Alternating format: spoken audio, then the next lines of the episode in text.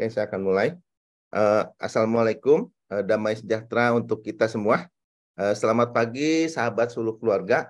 Uh, pagi ini uh, kita bertemu kembali dalam acara Kultur Parenting edisi Senin 25 September 2023. Uh, Kultur Parenting September mempunyai tema perlindungan anak dari kekerasan seksual di ruang pendidikan berbasis agama dan uh, seluruh, uh, seluruh keluarga juga mempersembahkan parenting yang uh, bersama dengan Kak Samantha. Selamat pagi Kak Samantha yang untuk berdiskusi tentang pencegahan dan perlindungan dari kekerasan seksual di satuan pendidikan berbasis agama Buddha. Kita bicara tentang uh, kekerasan seksualnya, jadi uh, berbasis agamanya, tapi tidak membicarakan tentang uh, agamanya ya. Dan uh, dengan satu pertanyaan, bagaimana anak-anak kita terlindungi atau dilindungi dari kekerasan seksual di satuan pendidikan berbasis agama Buddha.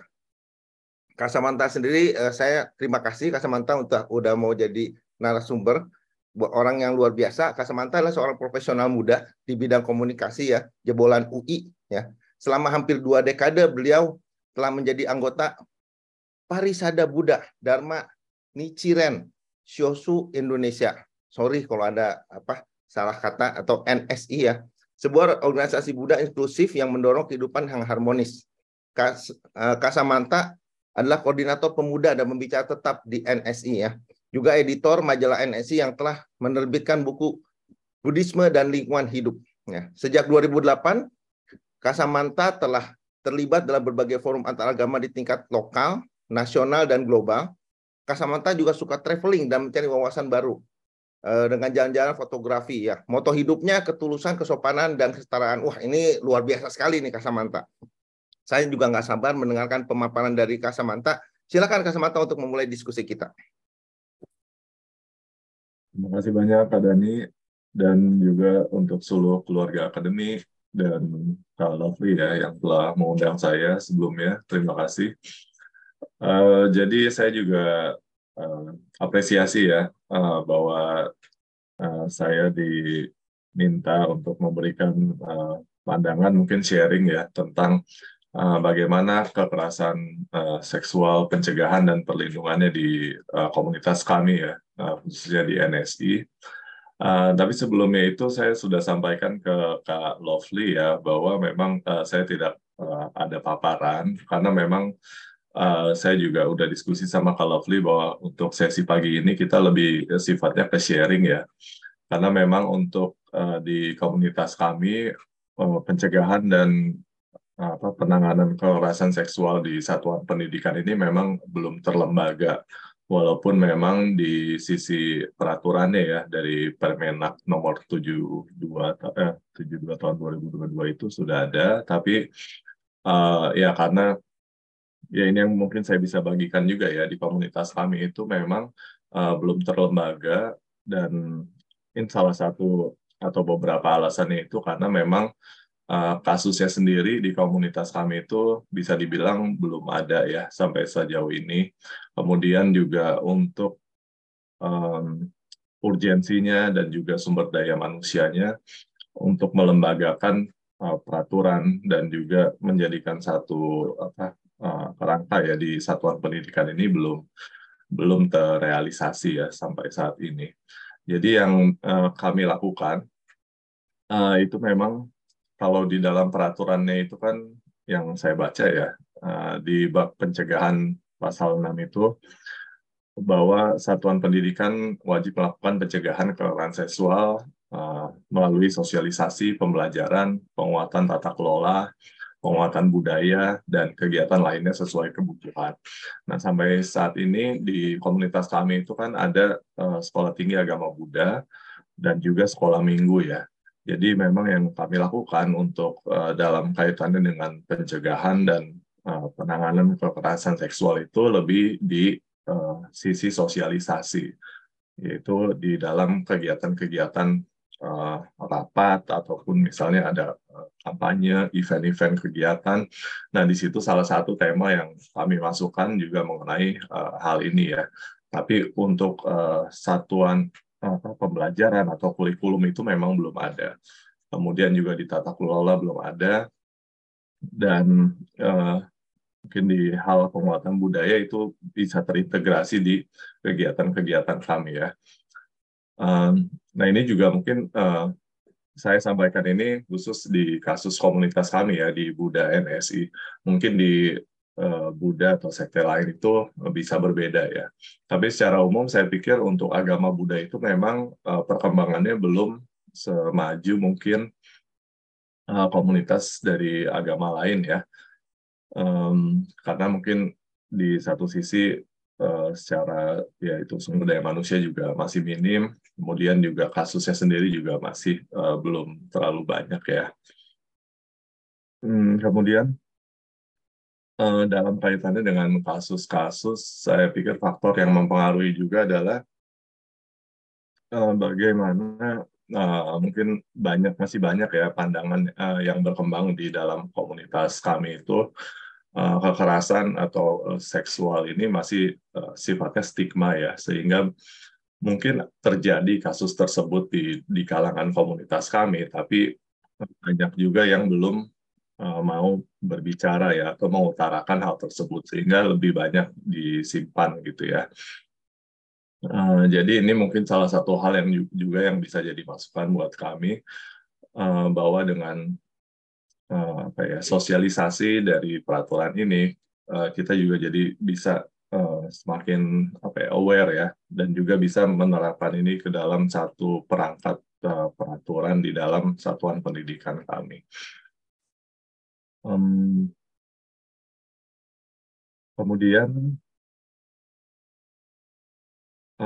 mungkin saya bisa lebih apa ya lebih uh, mengalir apabila ada pertanyaan mungkin dari Kak Dani uh, atau diskusi gitu.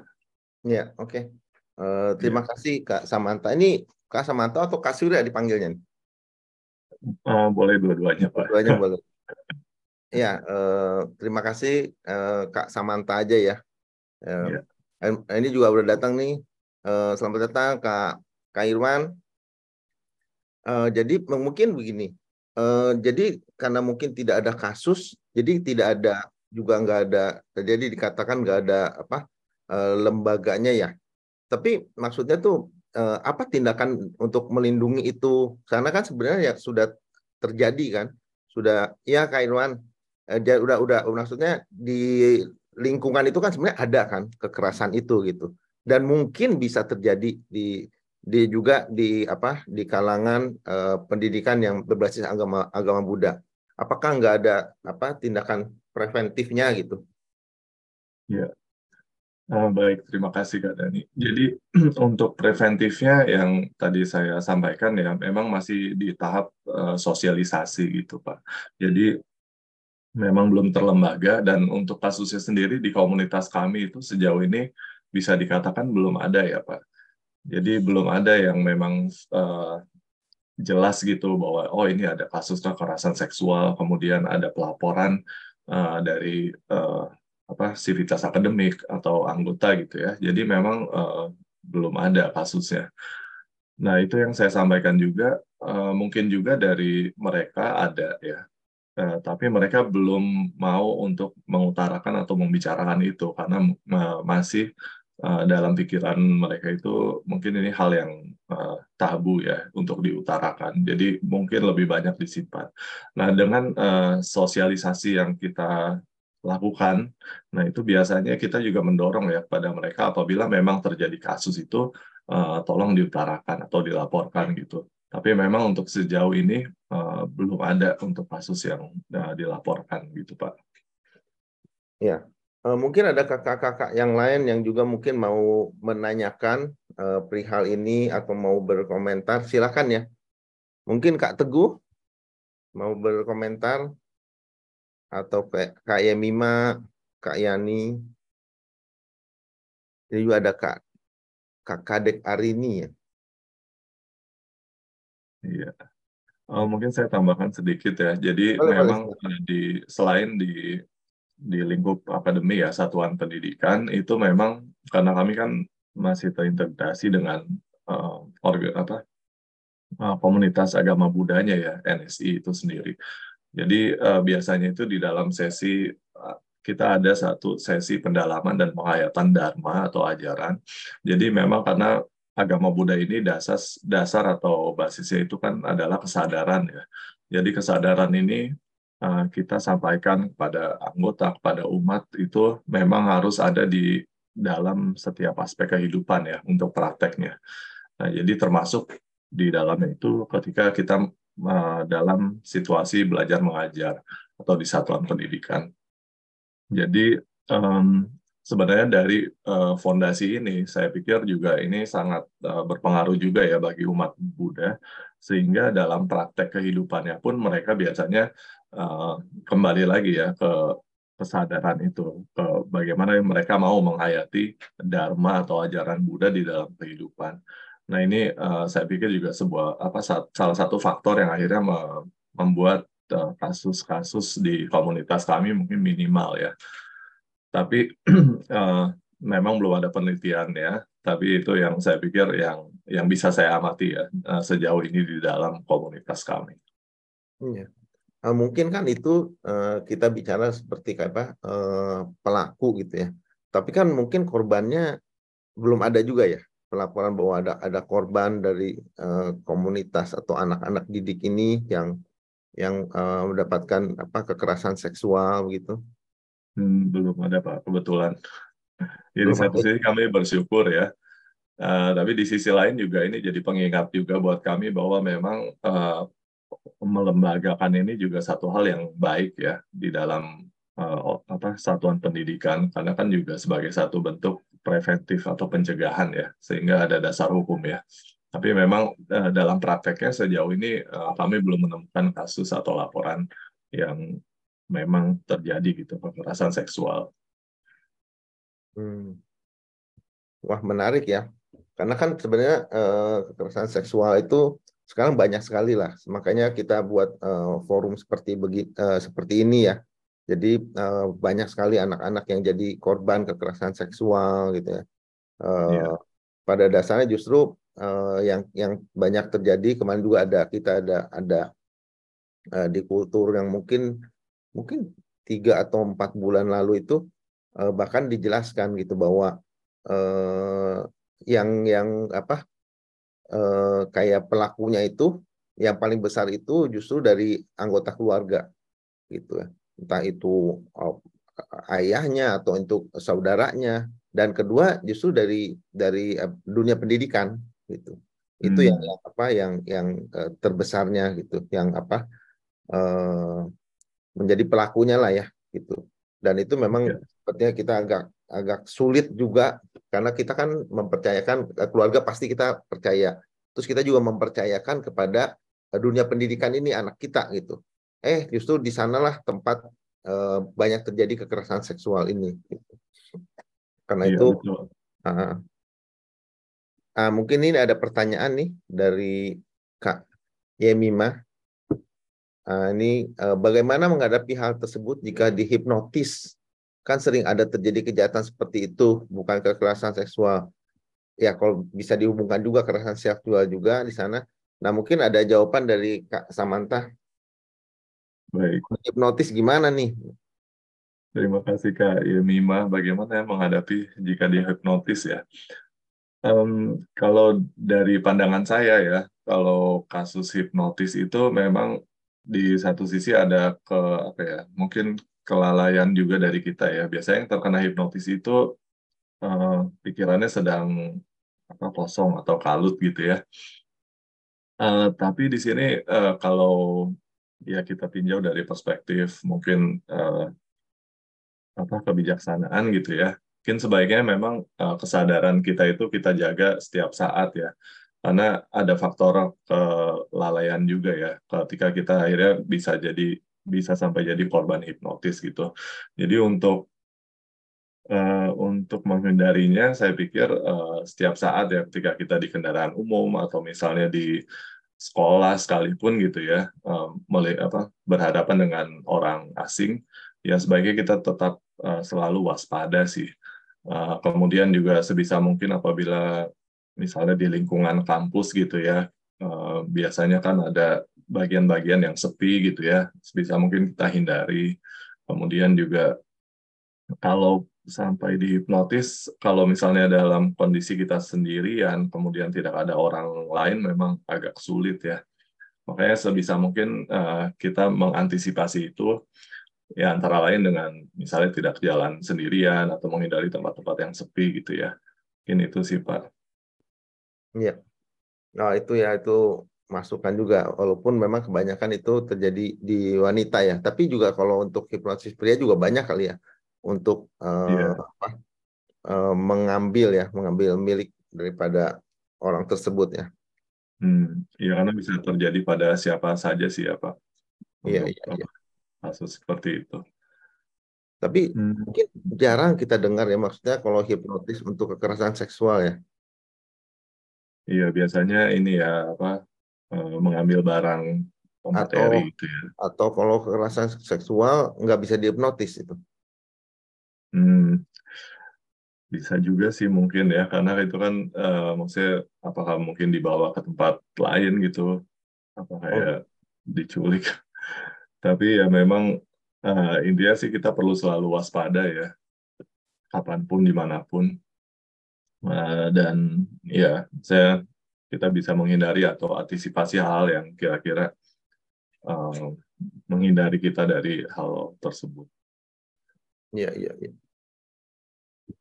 Um, kemarin juga saya se uh, sempat diskusi sih uh, dengan Kak Lovely ya terkait hmm. dengan uh, hal ini maksudnya kerja apa uh, fenomena yang ada di komunitas saya gitu. Saya juga ketika ditawarkan untuk uh, mengisi sesi ini, saya pikir uh, saya bilang ke Kak Lovely sepertinya kalau di komunitas kami itu memang belum uh, terlembaga gitu dan kasusnya memang masih belum ada yang benar-benar uh, kekerasan seksual gitu ya. Tapi kalau Lovely di situ mendorong saya, oh ya nggak apa-apa, nanti coba sharing aja ya kondisinya. Ternyata di komunitas Buddha itu seperti ini, spesifik misalnya di komunitas Buddha NSI. Jadi uh, mungkin di situ bisa jadi pembelajaran juga buat saya uh, dan buat kita ya, bahwa uh, mungkin di dalam komunitas komunitas agama yang berbeda, satuan pendidikannya ini implementasi dari Permenak tentang kekerasan seksual ini juga masih berbeda-beda ya. Dan saya pikir saya sempat melihat juga secara umum ya salah satu apa narasumber dari Katolik yang juga kawan saya itu Katriza ya. Nah itu saya lihat memang di Katolik sudah sangat terlembaga dan sangat jelas ya untuk penanganan maupun pencegahan kekerasan seksual dan itu juga bisa jadi pembelajaran buat uh, kita juga gitu. Nah, tapi di sisi lain memang uh, ya mungkin di, karena banyak faktor juga ya Pak Dani, misalnya seperti uh, jumlah sumber daya manusia, kemudian uh, sivitas akademiknya juga yang masih minim. Uh, dengan demikian mungkin uh, secara lembaga gitu ya juga masih belum terlalu uh, dibutuhkan dan juga memang sumber daya manusianya belum terlalu menunjang. Itu juga bisa jadi salah satu faktor ya, kenapa masih belum terlembaganya tentang penanganan kekerasan seksual ini di komunitas Buddha NSI. Iya, uh, mungkin seperti itu. Karena kan kalau di pendidikan mungkin Katolik salah satu yang uh, tertua kali ya di dunia pendidikan ya, maksudnya banyak uh, apa sekolah-sekolah. Mereka udah kayaknya udah puluhan tahun bahkan sebelum Indonesia merdeka itu mereka sudah sudah ada ke sana gitu. Dan mungkin yeah. jadi uh, karena otomatis lah lebih banyak lebih banyak kemungkinan yang terjadi sehingga mungkin juga udah udah udah beberapa kasus yang terjadi sehingga mereka udah membuat lembaga khusus untuk perlindungan ini gitu ya. Uh, dan memang mungkin dan mungkin belakangan ini aja ya yang paling banyak karena setelah internet mungkin kalau zamannya dulu nggak ada internet nggak terlalu banyak uh, kekerasan seksual ini gitu. Karena anak-anak kita nggak terpapar hal-hal demikian tapi sekarang ini jadi banyak uh, sehingga ya otomatis uh, kasusnya tuh semakin banyak juga gitu. Tapi saya juga setuju dengan Kak Samantha bahwa uh, semua lah ya semua itu uh, perlu itu perlu disiapkan karena memang untuk pencegahan lebih lebih awal ini ada komentar juga dari Kak Mima Iya, biasanya korban malu untuk mengungkapkan kejahatan seperti itu. Jadi mungkin lewat seminar bisa ya, Kak, untuk di, diedukasi uh, atau meeting seperti ini. Uh, mungkin gimana tuh? Uh, saya juga setuju mengenai ini. Menurut Kasamanta gimana bahwa uh, banyak yang malu uh, karena memang kan apalagi untuk wanita kayaknya di, dilecehkan itu kan cukup memalukan ya gitu. Tapi ya, ya perlu diedukasi juga. Betul sampai ya, betul. Uh, saya juga sepakat ya. Memang uh, mungkin perlu ada satu ruang aman ya bagi korban untuk menyampaikan uh, apabila memang uh, mereka itu menjadi korban kekerasan seksual ya. Nah di sini saya pikir uh, satu sisi karena masyarakat kita itu cenderung memandang kekerasan seksual itu sebagai hal yang memalukan ya. Jadi dari sisi korban itu biasanya sungkan atau enggan untuk melaporkan gitu. Jadi mereka pikir oh ya ini lebih baik saya tanggung sendiri. Nah ini uh, stigma ini yang harus diubah ya dari sisi korban gitu. Jadi korban uh, tidak perlu merasa malu, justru harus uh, mengutarakan ya bahwa ini adalah satu bentuk kejahatan yang dan dia menjadi korban gitu. Jadi di satu sisi kita uh, sosialisasikan juga ya bahwa uh, hal ini bukan satu hal yang memalukan dan perlu kita uh, sadari sebagai satu kejahatan gitu yang memang harus dilaporkan. Nah di sisi lain dari sisi lembaga saya pikir juga perlu dibuat satu ruang aman ya bagi korban ini untuk melaporkan gitu. Dan uh, um, saya pikir contohnya mungkin bisa dibuat satu apa uh, struktur konseling uh, di satuan pendidikan, tapi itu juga yang menjamin kerahasiaan Eh, pelapor misalnya. Karena biasanya eh, pelapor atau korban ini kan enggan untuk bercerita karena kan takut identitasnya diketahui gitu. Kemudian identitasnya akhirnya jadi ketahuan dengan teman-teman dan keluarga. Nah biasanya di awal ini yang uh, sulit ya bagi korban karena uh, mereka juga nggak ingin identitasnya diketahui. Nah tapi ketika akhirnya uh, dari lembaga ini bisa menjamin kerahasiaan misalnya ya, Nah, biasanya korban akan lebih mau untuk datang dan berbicara gitu. Walaupun nanti setelah diberikan advokasi, saya pikir uh, kita akan lihat sejauh mana kasusnya ya. Kalau memang uh, sudah terjadi kejahatan yang berat, ya korban perlu diberi pemahaman juga bahwa uh, ya ini perlu kita uh, kita bawa ke ranah yang lebih tinggi gitu ya, ranah hukum sehingga Eh, korban pun uh, akan didampingi. Saya pikir di dalam peraturannya itu juga ada menyebutkan tentang pendampingan ya. Jadi korban perlu didampingi, uh, akhirnya bisa uh, paham ya bahwa uh, mungkin identitasnya bisa ter terekspos juga gitu. Tapi ini adalah hal yang wajar dalam satu hal kejahatan dan perlu ditindaklanjuti. Jadi saya pikir pemahaman-pemahaman uh, ini yang uh, ya perlu kita sama-sama lakukan juga ya. Dan ini juga jadi masukan buat saya juga untuk ke depannya itu gimana apabila ini akan dilembagakan, uh, ya hal-hal seperti ini yang perlu kita perhatikan juga ya. Kita juga perlu perhatikan uh, psikologis atau sisi mental dari korban, gimana mereka bisa tetap merasa terlindungi dan akhirnya mereka mau uh, menceritakan ya atau melaporkan apabila mereka menjadi korban kekerasan seksual. Iya. Uh, memang kayak di Indonesia ini memang itu masih tabu. Saya juga ada kenal, ada ada dengar cerita bahwa ada orang uh, ya mungkin itu uh, di, ya, di, di pendidikan lah yang uh, dapat perlakuan kekerasan seksual yang dia nggak berani gitu. Sampai sampai event sampai sekarang pun dia nggak berani untuk ungkapin apa tuh cerita itu ya kan itu karena malu karena aduh kayaknya even dia tuh sampai malu untuk untuk berkeluarga gitu ya. Jadi saya rasa ya mungkin itu yang perlu ada di eh, eh apa di edukasi lah ya supaya orang tuh untuk berani gitu, berani untuk uh, mengungkapkan uh, apa yang terjadi gitu. Dan mungkin ya yang tadi Kasamanta bilang ya perlu ada lembaga yang yang menampung itu. Itu ya dia tahu ke mana dia mesti mengadu. Kalau sekarang mungkin uh, masih bingung gitu. Saya aja nggak tahu kalau ada terjadi itu mesti ke mana. Mungkin ke KPAI atau apa yang yang bisa membantu gitu. Nah, itu eh, saya sangat setuju sekali. Ini juga ditambahkan cybercrime itu sulit dilaporkan kak. Cybercrime. Ya, ya. cuman itu agak eh, apa apa mungkin ada kekerasan seksual cybercrime mungkin nggak ada ya Lia? Um, kalau uh, sepengetahuan saya ya untuk cybercrime itu memang uh, ya yang terjadi di dunia maya ya seperti misalnya dari chat itu juga bisa jadi satu uh, bentuk kekerasan seksual juga ya uh, penggunaan kata-kata yang uh, tidak pantas atau cenderung membuat apa melecehkan ya. Nah itu sebenarnya kalau cybercrime itu ya salah satu yang bisa kita lakukan ya dengan uh, apa screenshot gitu ya atau menyimpan menyimpan bukti-bukti itu uh, apabila memang mau dilaporkan gitu ya. Karena um, sekarang saya pikir uh, sangat mudah ya untuk melakukan kejahatan di dunia maya dan uh, tinggal bagaimana kita bisa uh, ya maksudnya lebih teredukasi juga seperti misalnya bagaimana kita bisa melakukan screenshot kemudian mungkin ada aplikasi tertentu yang membuat kita apa tidak bisa melakukan screenshot ya kita bisa foto dari uh, kamera lain misalnya gitu ya untuk menyimpan bukti apabila memang terjadi pelecehan dan kekerasan seksual gitu di dunia maya.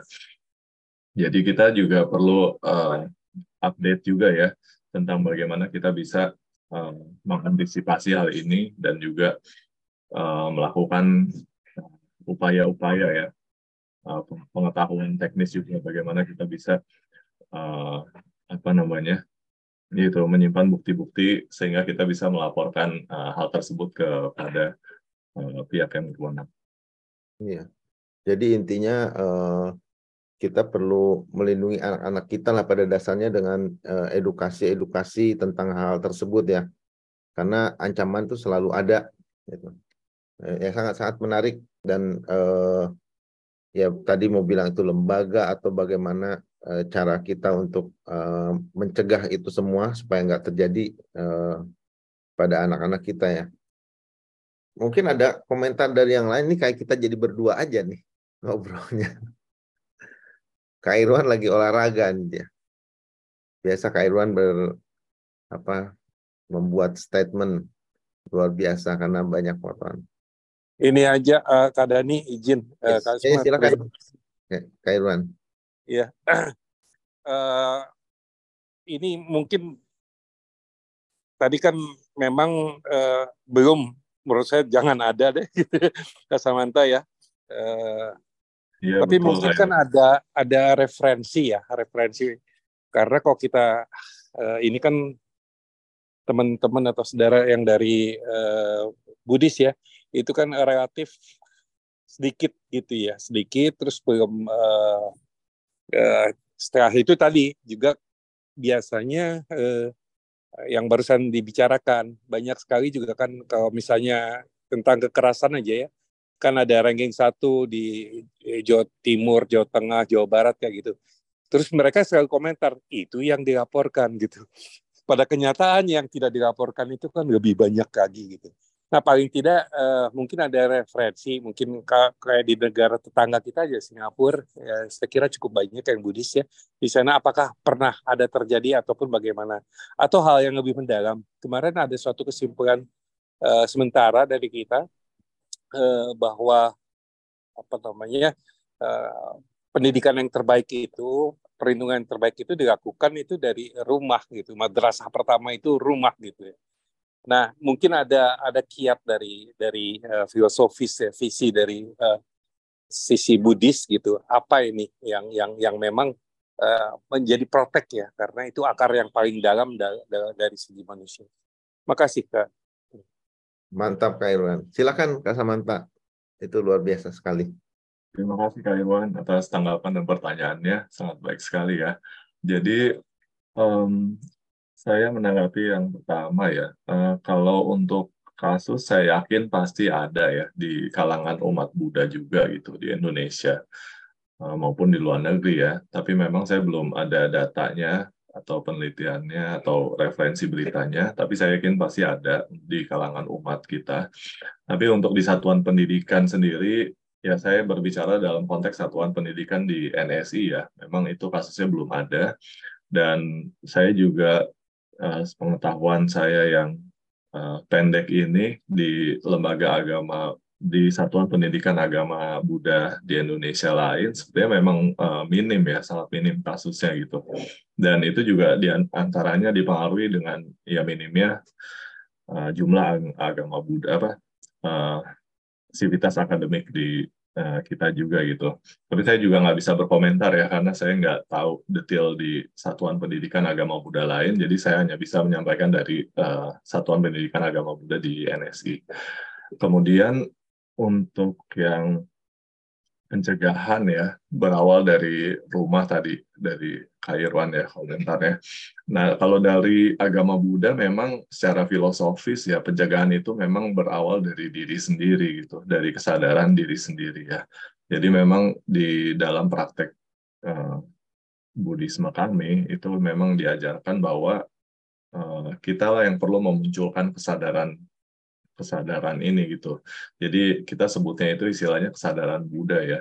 Jadi kesadaran Buddha ini adalah satu bentuk kesadaran yang paling mendalam yang memang bisa memengaruhi semua aspek kehidupan kita gitu. Jadi sebagai basisnya. Jadi basis kehidupan kita itu kalau dalam satu kata ya kesadaran itu. Jadi dengan bekal kesadaran Buddha yang memang kita munculkan ya dari dalam diri kita, dari pikiran kita, dengan dipandu oleh ajaran Sang Buddha, karena kan ada istilahnya itu uh, Buddha show the way, Buddha shows the way. Jadi Sang Buddha sudah menunjukkan jalannya ya, bagaimana kita bisa memunculkan kesadaran Buddha. Dan tinggal bagaimana kita mau mengupayakan hal tersebut. Jadi di satu sisi Sang Buddha sudah membabarkan ajaran yang begitu agung ya untuk bagaimana kita bisa memunculkan kesadaran dan kebahagiaan dalam uh, kehidupan kali ini. Tapi di sisi lain kita sendiri perlu punya satu uh, upaya ya, upaya yang tulus, upaya yang uh, mendalam bagaimana kita mau memunculkan kesadaran tersebut. Karena sebagai contoh ya, uh, di Singapura kita orang Indonesia yang ke Singapura bisa sadar kebersihan gitu ya. Uh, tapi kenapa ketika kembali lagi akhirnya uh, buang sampah sembarangan lagi misalnya. Nah jadi di situ kita tahu ya bahwa kesadaran itu ya bisa kita munculkan gitu. Jadi uh, tentu pengaruh sangat eh, tentu lingkungan sangat berpengaruh ya. Dan juga dalam prakteknya ini kita bisa lihat bahwa misalnya penegakan hukum itu juga jadi salah satu faktor yang sangat uh, penting juga ya. Misalnya di Singapura sama di sini uh, berbeda ya tentu salah satunya itu uh, faktor penegakan hukum yang juga berbeda. Nah, jadi uh, di situlah kita akhirnya bisa uh, melihat ya fenomena kehidupan ini, kita ini itu dipengaruhi oleh banyak faktor, tapi yang utamanya memang uh, bagaimana kita bisa mem apa, memunculkan ya memotivasi diri kita untuk senantiasa sadar ya dalam uh, setiap lini kehidupan kita. Uh, mungkin demikian tanggapan saya. Terima kasih. Terima kasih Kak Samanta. Jadi uh, apa uh, yang dilakukan itu membangun kesadaran dari anak-anak uh, itu maksudnya Kak Samanta? Oh iya, kalau dari anak-anak memang uh, tahapannya agak berbeda ya. Ya tentu di satu sisi kita berikan satu apa edukasi, sosialisasi tentang ajaran Buddha, tentang bagaimana memunculkan kesadaran. Tapi memang porsi pendampingannya tentu lebih besar ya, karena mereka masih anak-anak gitu. Jadi contoh-contoh yang diberikan pun teladan-teladan dari Sang Buddha itu uh, disesuaikan juga ya uh, uh, untuk anak-anak dan uh, berbeda dengan yang untuk dewasa gitu Pak. Nah, eh, maksudnya dengan dengan kita uh, melatih kesadaran mereka itu itu akan bisa membantu untuk uh, memprotek mereka dari apa orang-orang uh, yang berniat untuk melakukan apa ke kekerasan seksual ya dalam arti mereka ada ada hal yang mereka bisa uh, lakukan lah untuk memprotek diri mereka sendiri begitu. Ya. Uh, ya baik. Jadi memang dasarnya itu kan kesadaran ya. Jadi dengan basis kesadaran Eh, misalnya dengan contoh tadi yang Kak Yemima tanya ya, jadi dengan kesadaran kita tentu jadi bisa lebih waspada ya, senantiasa waspada. Nah dari anak-anak itu memang bisa dilatih hal ini ya. Tapi di sisi lain tentu kita berikan edukasi juga tentang uh, misalnya um, terkait dengan kekerasan seksual ya. uh, ada juga sesi tertentu di anak-anak itu di mana kita berikan tentang uh, bagaimana mereka bisa mengenali tubuh mereka gitu bagian mana yang uh, privat gitu ya yang tidak boleh disentuh oleh orang asing dan hanya orang-orang yang terdekat misalnya ayah atau ibu saja yang boleh gitu untuk uh, menyentuh. Dan itu juga dijelaskan misalnya kasus apa dalam kondisi apa orang orang tua menyentuh gitu ya.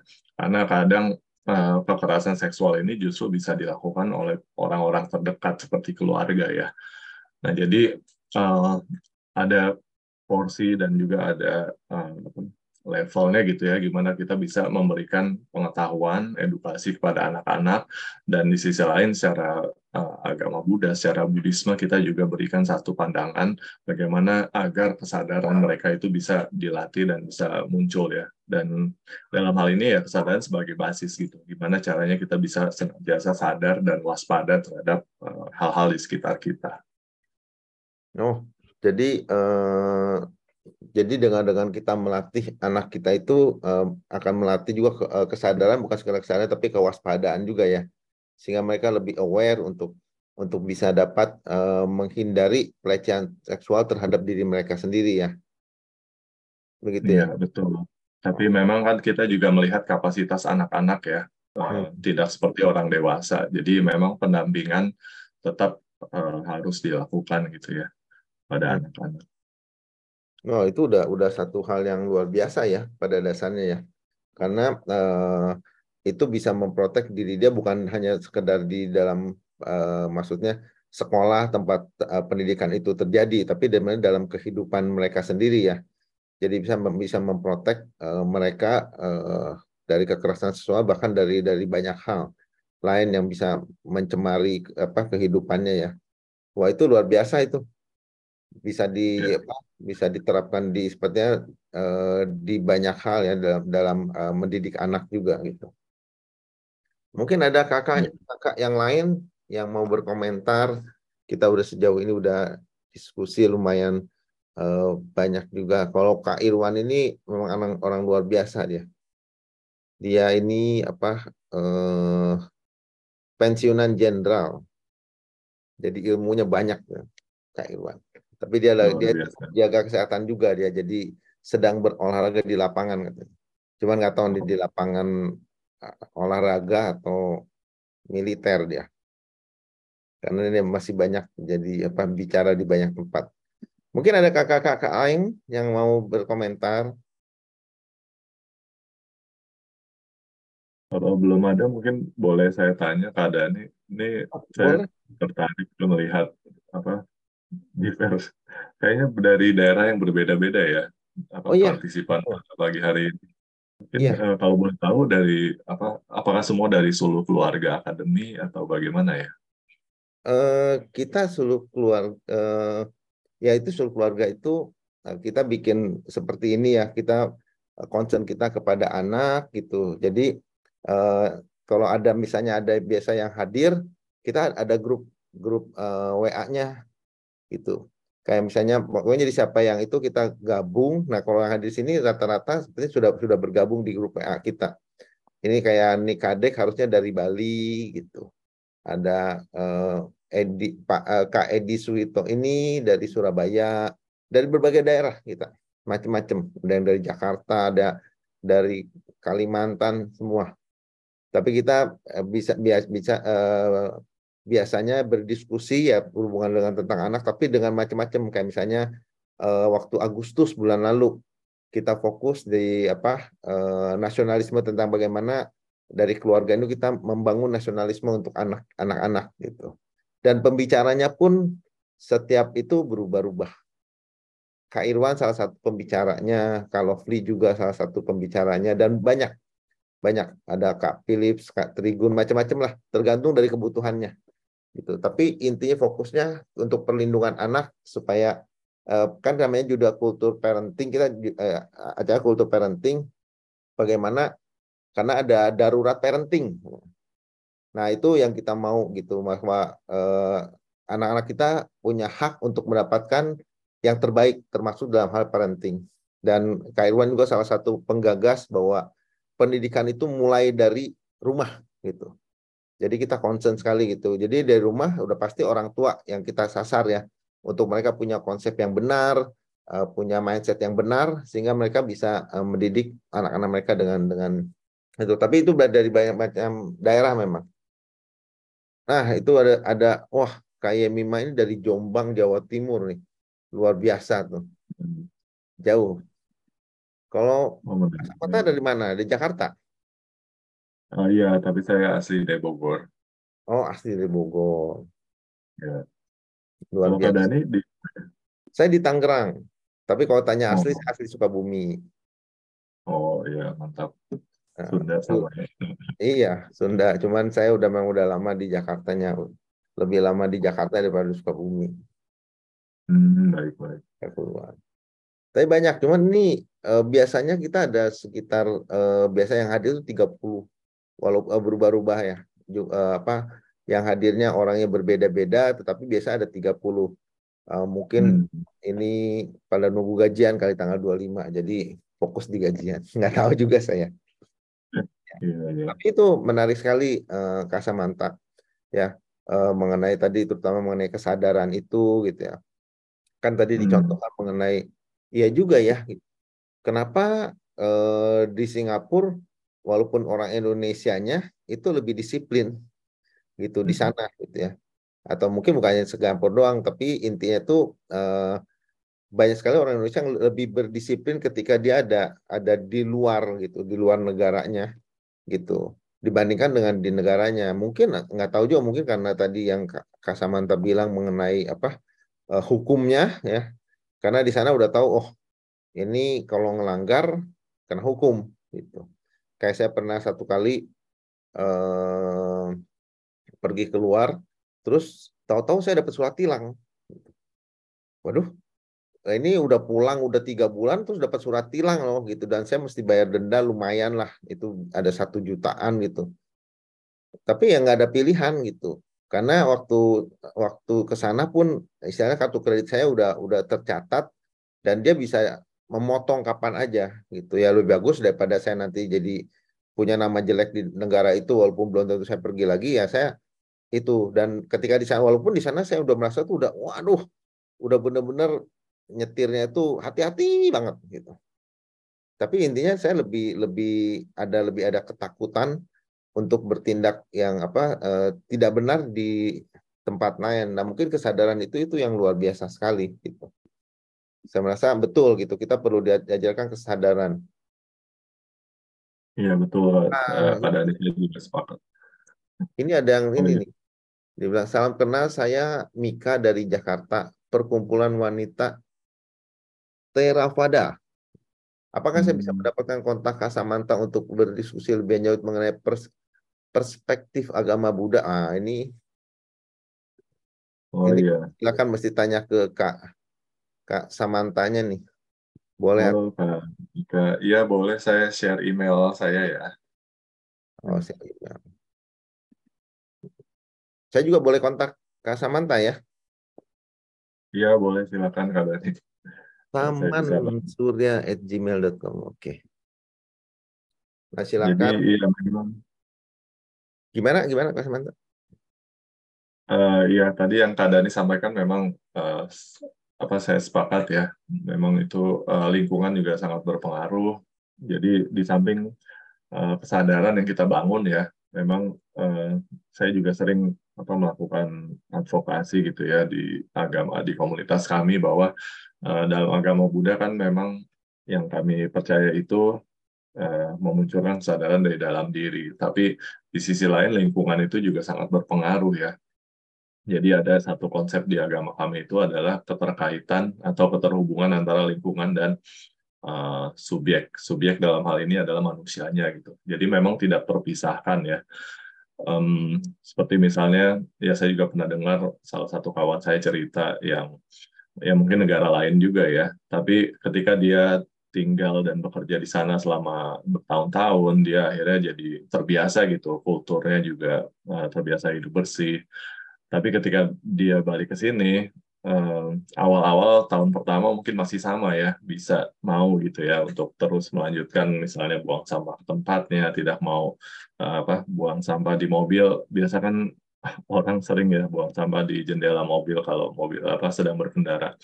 Nah itu dia tetap ada pendiriannya, tapi uh, setelah beberapa tahun akhirnya terbawa juga ya dengan suasana atau kultur yang uh, bebas di sini gitu. Uh, ya jadi kembali lagi pada apa kesadaran kita apakah kita bisa uh, konsisten gitu ya apabila misalnya kita tahu mana hal yang baik dan mana hal yang kurang baik untuk dilakukan walaupun lingkungan kita misalnya tidak kondusif ya kita tetap misalnya tetap berbuat uh, baik atau gaya hidup sehat atau gaya hidup bersih. Jadi itu yang sebenarnya uh, kita mau apa terapkan ya di dalam diri kita. Ketika kita sudah sadar, kita terus praktekkan kesadaran kita sehingga akhirnya kita juga yang bisa memengaruhi lingkungan sekitar kita gitu dengan nuansa-nuansa kebaikan eh, dan ya apa bersinergi gitu ya saling mempengaruhi antara kita dan lingkungan. Kalau kita de, apa kita yang kuat gitu ya kesadarannya, nah itu akhirnya kita bisa mempengaruhi kesadaran eh, orang-orang atau lingkungan di sekitar kita juga gitu. Walaupun mungkin dalam skala yang lebih luas ya, misalnya dari dalam skala ber, ber, berbangsa, bernegara, memang uh, apa hukum itulah yang uh, utama gitu ya, penegakan hukum saya pikir yang uh, yang bisa membuat satu negara itu berubah gitu. Mungkin demikian. Ya, uh, menarik. Uh, kayak Kak Samantha itu uh, emang nggak bisa ya bahwa kesadaran itu menjadi permanen ya kalau saya itu sering dengar uh, bukan sering dengar lah saya pernah ada uh, satu challenge gitu ya uh, ke dalam kehidupan saya. Dibilang kita ini jangan jadi termometer. Kalau termometer kan di satu ya kita cuma ngukur oh dia kayak oh ini nggak bagus atau apa. Tapi kita tuh harus jadi termostat jadi yang mengatur lah meng, apa ya tadi kalau tadi Kak Samantha bilang itu kita harus mempengaruhi lingkungan bukannya kita kalau termometer kan dipengaruhi lingkungan kan gitu. Lingkungannya lagi dingin ya suhunya dingin, lingkungan panas ya panas ikut-ikutan aja lah. Tapi kalau jadi termostat emang nggak bisa ya. Dengan kesadaran itu dibuat permanen itu apalagi kalau bisa dibuat di anak ya itu membuat punya kesadaran eh, kewaspadaan yang permanen sehingga ya justru dia menjadi uh, termostat yang mempengaruhi lingkungan gitu. Iya. Iya, terima kasih Ya, Dani, pembahasannya sebenarnya sangat mendalam ya. Tapi kalau saya boleh uh, apa, secara umum gitu, kalau dari ajaran agama Buddha Nichiren, memang uh, kita itu diajarkan bahwa perasaan dunia, eh, perasaan jiwa manusia itu senantiasa berubah ya atau dinamis. Jadi tidak mungkin selalu uh, sama gitu. Yang bisa kita lakukan adalah menjadikan kesadaran ini sebagai fondasinya. Jadi kita tetap ada perasaan marah, perasaan uh, serakah, perasaan benci itu tetap ada ya di dalam jiwa manusia. Tapi gimana caranya kita uh, sebagai Buddhis ya agama Buddha NSI ini kita uh, melakukan uh, pertapaan meditasi itu agar kesadaran itu yang menjadi fondasinya. Jadi walaupun kita marah, tapi dengan dasar fondasi kesadaran kita jadi bisa sebagai uh, pengamat ya. Jadi tidak Eh, kita bisa mengamati perasaan jiwa kita sendiri gitu. Oh ya, saya sedang marah di saat ini. Jadi dengan kesadaran seperti itu akhirnya eh, kita bisa lebih menguasai diri atau mengendalikan diri. Jadi itu salah satu uh, tujuan ya atau hasil yang diharapkan dari kita uh, mendalami ajaran agama Buddha. Yang secara umum seperti itu sih Pak Dani. Tapi kalau penjelasan lebih mendalamnya itu uh, cukup panjang ya. Cukup panjang ya. Karena itu kayaknya saya perlu email ke Kak Samanta nih. Saya karena saya orangnya pengen tahu, penasaran juga gitu. Dan saya juga eh, walaupun saya bukan apa eh, menganut ajaran Buddha gitu, tapi saya itu eh, percaya dengan meditasi lah gitu, bahwa itu bisa membantu ya. Dan memang saya juga percaya bahwa eh, di tubuh kita itu kan bukan sekedar eh, fisiknya ya, ada emosinya dan perlu perlu diajak ngomong juga itu. Itu bagian dari tubuh kita yang perlu diajak ngomong juga ajak komunikasi ya supaya uh, dengan kita lebih mengenal pasti otomatis lebih baiklah uh, kitanya ya karena happiness ya dari diri kita sendiri gitu bukan dari lingkungan bukan dari mana-mana gitu dan itu perlu yeah. perlu di uh, dikenali lah karena itu saya wah ini menarik sekali ya walaupun cuma satu istilah kesadaran saya banyak kan memang kurang sadar gitu. Kadang-kadang udah lewatin tuh umur saya udah gini lah perasaan nggak kayak nggak ngeh gitu. Aduh, udah lewat-lewat aja gitu. Karena saya merasa ya itu masalah kesadaran diri dengan dengan dengan uh, diri saya sendiri. Udah jam 8 mungkin ada kakak-kakak yang mau berkomentar atau mau bertanya terakhir sebelum kita akan tutup.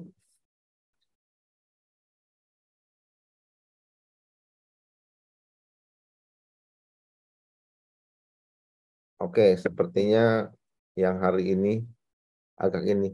Oke, sebelum uh, apa uh, nanti Kak Samantha buat closing statement untuk acara kita ini, uh, mungkin kakak-kakak bisa uh, open cam karena kita mau foto.